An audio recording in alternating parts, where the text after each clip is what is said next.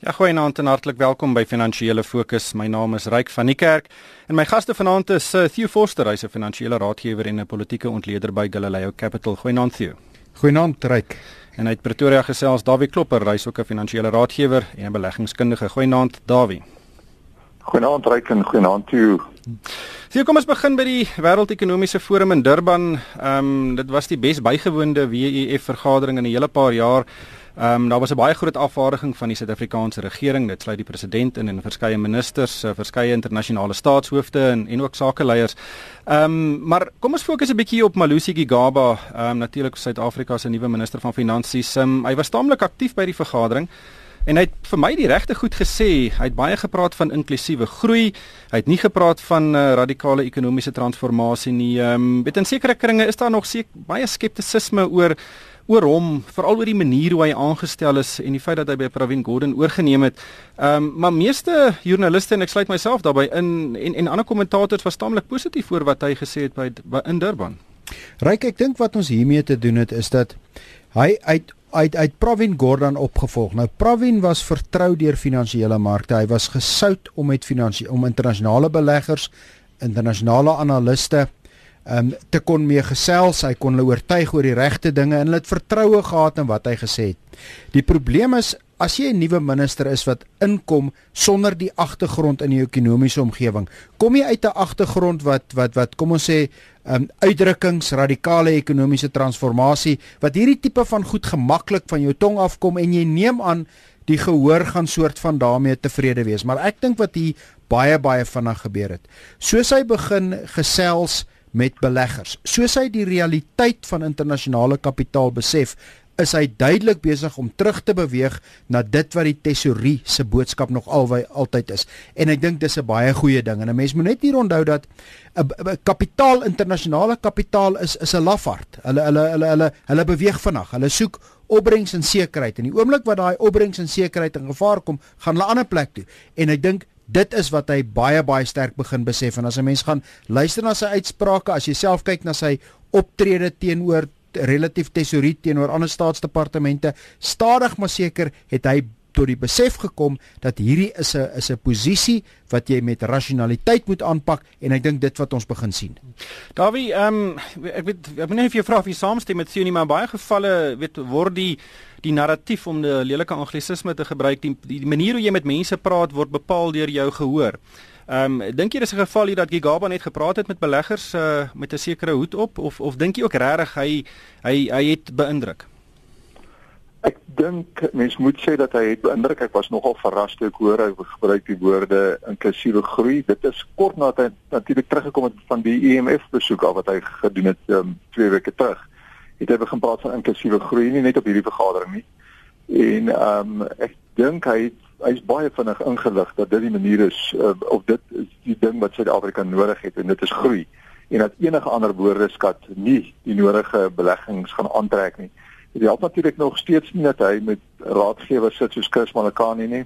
Hy moet van die professor vinnig ontslaa raak as hy sy as hy sy ehm um, sy kredietwaardigheid wil verder opbou op hierdie stadium. En dan gaan hy ook sy kabinetskollegas in toom hou. Dit help nie dat Lindiwe se Sulu op hierdie selfde vergadering praat van dat hulle begrond sonder vergoeding neem nie. Ehm um, so hy sal net al hierdie goed moet regkry en die vraag is sekerlik, het hy die status in die kabinet om sy kollegas um, in lyn te bring. Maar daarby ek bly by jou, um, hy is uh nie president Zuma se se eerste keuse as 'n finansminister nie. Dis natuurlik eintlik sy derde keuse. Ons het vir Des van Rooyen uh, en vir Brian um, Molefe ook daar. Um, dink jy uh dit speel 'n rol? Ehm um, wel dis interessant dat hy toe nou wel eh, die pos dan nou gekry het natuurlik het die president toe nou maar op hom moes ehm um, kompromie sekerlik aangaan om hom dan te neem. Die vraag is net is, is hy sy eie man, jy weet en ons moet dit nog eers sien.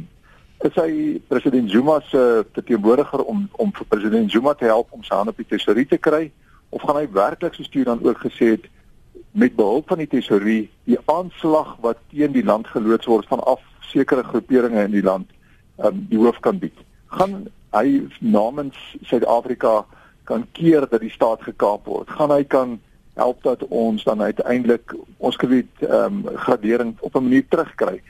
Ons moet ook net en dit het niemand nog begin sê nie, ook nie hy nie en ook nie ehm um, selfs die DA sê dit nie. Wat se groei, watter persentasie groei praat ons van mik ons voor in hierdie land? Want ons sal moet groei bo 4.5% kry om werkloosheid aan te spreek, om al die ander goed reg te kry. Ons moet daardie gesprek en jy nou die woord narratief gebruik, die narratief soontoe skuif na wat se omvang van groei ons nodig het. Anders te gaan ons net rondploeter nog steeds. Ek dink waar ek met Dawie saamstem, die die probleem is groei gaan nie kom suiwer van monetêre of fiskale beleid nie. Groei het ander elemente nodig. Dit het primêr vertroue van kapitaal nodig en daar stem ek saam met Dawie dat die vertrekpunt gaan wees of hy die vertroue kan skep dat die gesonde beleidsuitsprake wat ons wat Pravin Gordhan nagestreef het of hy dit kan deurvoer. Ek dink daar's twee ander elemente net wat 'n mens hier moet onthou. As jy gaan kyk na die verskillende staatsentiteite se kapitaal wat hulle moet trek op kapitaalmarkte, hulle is besig om te sukkel daai van daai programme is uitgestel. Van daai programme het nie naaste by gekry wat hulle wou gehad het nie. Nou goed, mense kan gaan vaar as 'n dis 'n oorgangsstadium, maar dis iets wat hy sou moet baie duidelik besef. As jy 2 of 300 miljoen moet leen in die kapitaalmark en jy kry net 20 miljoen. Dis nie eintlik waar hy wil wees nie. En ek dink dit is van die boodskappe wat hy begin duidelik kry en dan sien ek die die die die die president van die Reserwebank meneer Kanyago het gesê dat die toets gaan eintlik kom in Oktober met sy eerste mediumtermynbegroting. Daai Oktober mediumtermynbegroting sal hy moet wys tot in watter mate hy hou by dissipline aan die een kant, maar aan die ander kant tot watter mate volg hy sy eie beleid. En ek dink ons gaan ongelukkige rukkie moet wag, maar die, intussen gaan die uitsprake meer gaan gaan ons kapitaal trek wanneer ons dit nodig het. Uh, wat gaan die rand doen? Wat gaan kapitaalmarkkoerse doen en watse tipe vertroue kry terug in die stelsel? Ehm um, daar was een ding wat nogal vir my vanoggend uh, my oog gevang het is dat eh uh, Gigabo die uh, die voorsitter van Denel, Dan Macha skynbaar volgens die Sunday Times uh, na hom ontbied in Durban en vir hom gesê luister, stop hierdie transaksie met uh, die Gupta maatskappy uh, VR Laser Asia. Ehm um, en laat vaar die hofsaak teen die tesourier. Dit is 'n interessante verwikkeling. Ehm um, en dit is 'n verwikkeling verseker in die regte rigting dat as dit dan nou so is en dat dit die ehm um, feite is van die gesprek wat plaasgevind het en dan die uitkoms was van die gesprek wat plaasgevind het, dan is dit verseker iets wat in die regte rigting beweeg. Ehm um, dat dit lyk of daar dan 'n ietsie van 'n skoonmaakproses aan die gang is en dat sekere sake wat ek dink 'n groot verleentheid, duidelike verleentheid vir die regering is, dan op hierdie manier ehm um, ehm um, miskien ingekatol word en dat hulle dan nou gedwing word om hierdie kontrak uh, en hierdie uh, die selfs die besigheid ehm um, te sluit. Ja, maar dit is inderdaad 'n interessante ontwikkeling en ons sal dit fyn dophou. Ehm um, Theo, ek wil gesels ehm um, oor die olieprys. Ehm um, die olieprys is onder 50 dollar vir 'n vaatjie Brent olie. Ehm um, en daar selfs uh, hoop dat dit verder kan val ehm um, weens 'n uh, oorproduksie in die wêreld en Suid-Afrika is natuurlik een van die lande in die wêreld wat die meeste baat by 'n laer oliepryse omdat ons elke druppel olie invoer. Ja, as jy gaan kyk waar ons was en is nie ons praat van van kom ons sê weke gelede, ek wil nie sê dae gelede nie, waar die olieprys noord van 50 dollar was en Vrydag het dit begin lyk hier en daar dat ons hier rondom 45 dollar gaan begin verhandel. Nou dis 'n dis 'n 10% daling. Die voordeel daarvoor is natuurlik in Suid-Afrikaanse konteks is met die rand wat verswak het sedert uh, die hierdie aankondiging van die verandering van minister van finansies, het ons olieprystyggings gekry en dit is nie net belangrik vir Suid-Afrika in terme van inflasie nie, maar dit is belangrik in terme van ons groei vooruitsigte en is belangrik in terme van insetkoste. En is amper ons het 'n bietjie meer van daai gelukke nodig. Maar wat hierdie ook vir jou bevestig en ek dink dis 'n tema wat al die meerentyd begine deurkom, is dat die die daad dat die olieprys groot stygings vir lang periodes van tyd ondergaan. Ek dink mense moet besef dat daai dae 'n soort van verby. Olie het nou al 'n paar keer probeer om noord van 50 dollar te begin verhandel en elke keer is dit van die grensverskaffers, veral die salie die, die skaliegas ouens wat ingekom het en die olie begin afdruk het. So my opinie is ek dink die wêreld gaan stadig maar seker begin agterkom dat ja, die olieprys kan hier en daar opskuif, maar daar's produksie wat elke keer inkom en daai produksie veroorsaak dat daar elke keer amper 'n tipe van 'n plafon op die olieprys geplaas word. Maar hierdie is baie goeie nuus vir Suid-Afrika. Mense hoop hy hou op hierdie vlakke. Mense hoop nie die rand verswak verder nie. Dan kan ons dan teruggaan na laer inflasie vooruitsigte. Ja, daar wil die rand is natuurlik ook kritiek. Ja, gaan voort. Ek ek wil net graag 'n kommentaar lewer en dan ook nou sommer by die rand ook uitkom in hierdie proses. Ons het wel gesien dat die oliepryse het, het skerp gedaal Vrydag en toe laat Vrydag middag weer 'n bietjie begin herstel en dan 49.10 te beweeg en ons het gesien die rand het die olieprys gevolg So die oliepryse saam met ander kommoditeitspryse so erg verswak het, het die rand ewe skielik baie skerp verswak van 12.80 12.90 um, 'n week terug na 13 um, amper 70 toe Vrydag op 'n stadium en hy het al die pad teruggekom na 13.41 teen die dollar toe. So ons moet daardie korrelasie tussen die rand en kommoditeitspryse en dan ook oliepryse raak sien. En dan Hoekom is daar so 'n groot eh, dat, weet hoekom is daar so groot ooreenstemming, korrelasie? Die korrelasie is veral rondom gewone kommoditeitspryse, die ander kommoditeitspryse. Um Suid-Afrika se rand word gedryf deur drie groot faktore, natuurlik die politiek een, die eh, dollar se sterkte in sy eie reg en dan kommoditeitspryse is 'n baie belangrike bepaler van die rigting waarin die rand beweeg. Ek het Vrydag gekyk na 'n grafiek tussen kommoditeitsprysbewegings en die rand en daar is 'n baie skerp korrelasie tussen die kommoditeitspryse wat die afgelope jaar vers en en uh, ja, in 18 maande omtrent verstewig het en die rand se verstewiging wat daar rondom plaasgevind het. En dit skort hierdie versterking is kort kort um, in die wiele gery deur politieke gebeure, die minister van finansies wat moontlik afgedank sou kon word en toe wel afgedank is. Maar dit was elke keer tydelik. Maar, so ons moet net ook kommoditeitspryse dophou. Maar uh, sê nou ons het nie weer politieke skokke nie. Waarheen behoort die die rand te begaan of uh, waar behoort hy te verhandel vir die vir die volgende paar maande ten minste? Ek sê dink hy moet weer onder die 13 kan inkom en tussen 12.50 en 13 gaan stabiliseer as die politiek en soos wat ons met ons inleidende stuk van die gesprek um, geargumenteer het. As dit as, as minister Kigaba kan voortgaan op die goed wat hy nou klaar blyklik begin reg doen, dan kan die rand weer terugkom na hierdie vlak van tussen 12.50 en en 13 so ek dink. Die die IMF e het, het verlede jaar 'n baie detail studie gedoen oor die faktore wat die rand beïnvloed en is toevallig wel is dieselfde faktore wat Dawie genoem het, hulle die volgorde bietjie anders gesit. Hulle het snaaks genoeg kommoditeitspryse as nommer 1 gesit en tweedens die vloei tussen die dollar en opkomende markte as tweedens en dan eers die politieke omgewing. Ek stem saam. Ek dink as ons nie politieke skokke kry nie, as ons die gewone ekonomie se gaan laat gaan en die gewone onderliggende faktore die rand bepaal, dan gaan ons sterker gaan. En op hierdie stadium ongelukkig sit ons in 'n omgewing wat ons te gereeld politieke skokke kry en politieke uitsprake kry en hierdie teen die agtergrond van 'n leierskap geveg binne die ANC en ek dink ongelukkig gaan dit kom op 'n tyd wat Suid-Afrika stabiliteit nodig het en bietjie meer groei nodig het, gaan ons 'n hele klomp onsekerheid kry en daai proses gaan aangaan ongelukkig tot aan die einde van die jaar. So ons gaan nog 'n wisselvallige of 'n potensieel wisselvallige rand in die gesig staar. Wel, ons gaan politieke onstabiliteit kry, uitsprake soos mense vir posisies gaan en onthou, 'n politikus is, is nie iemand wat werklik na langtermyngevolge kyk nie. Hy kyk bloot na na stemme en ek dink dis waar ons problematies gaan raak. Davie uh, Berkshire Hathaway se jaarvergadering het hierdie naweek in Omaha in Nebraska in Amerika plaasgevind. Dit is natuurlik Warren Buffett en Charlie Munger van Berkshire Hathaway wat daar voor 'n klomp duisende en duisende mense sit en dan vra oor die ekonomie en die beleggings antwoord vir is vir 50 vir vir omtrent 5 ure lank. Nou Warren Buffett is 86 jaar oud en Charlie Munger is 93 jaar oud. Ehm um, jy was al twee keer daar in jou lewe en hierdie het hierdie sogenaamde pelgrimstog ehm um, afge weet afgelê na Ouma toe. Wat was jou indrukke van van hierdie jaar se vergadering en uh, sal jy graag weer eendag wil gaan? Mens sal moet gou gaan as jy nog vir um, Warren Buffett in aksie daar wil sien. Dit is 'n fenominale ervaring om om vir Buffett en vir Munger daar in aksie te sien.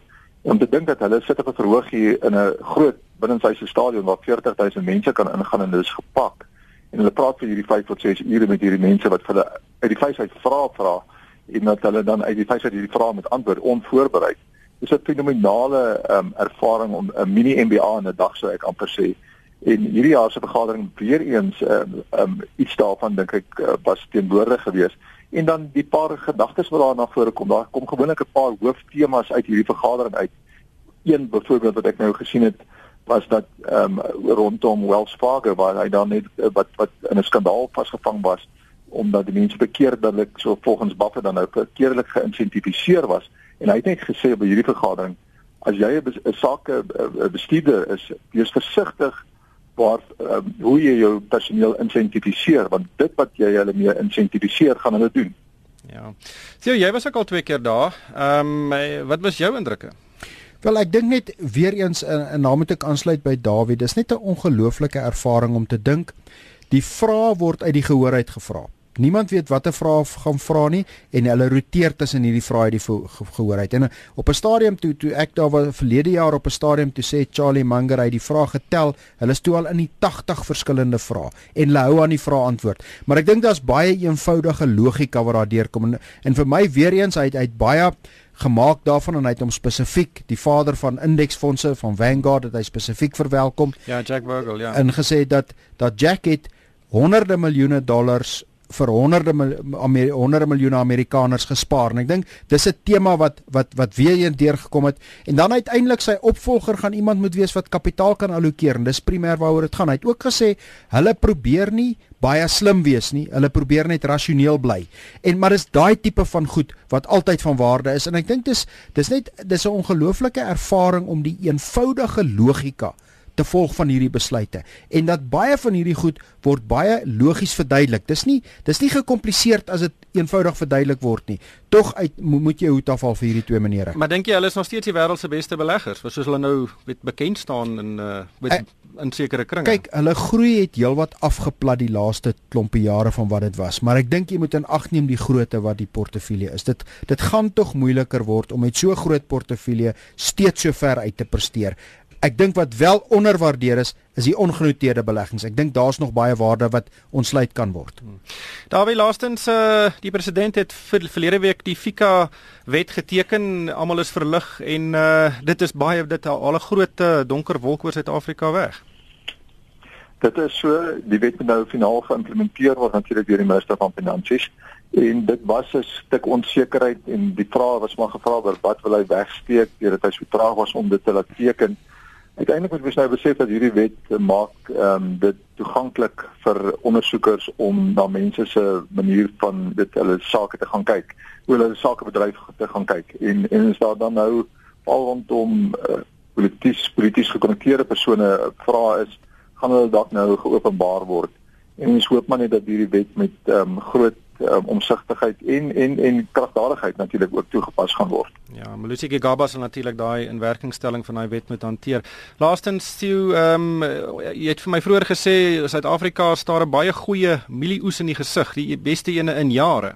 Ja, ek dink dit gaan baie naby aan die tweede grootste oes ooit wees, maar wat wel die hoogste gaan wees wat ons nog ooit gehad het, die opbrengs per hektaar. As jy gaan kyk na die vooruitskattinge, gaan dit die hoogste opbrengs per hektaar was wat ons nog ooit gehad het en dit wys maar net vir jou die waarde van tegnologie en die kwaliteit van Suid-Afrikaanse mielieboere. Dankie Theo. Ongelukkig is dit alwaar vir ons tyd het vanaand. Baie dankie aan Dawie Klopper van PSG, Theo Forster van Galileo Capital en vir myself Ryk van die Kerk. Dankie vir die saamluister en ek koop almal met 'n winsgewende week.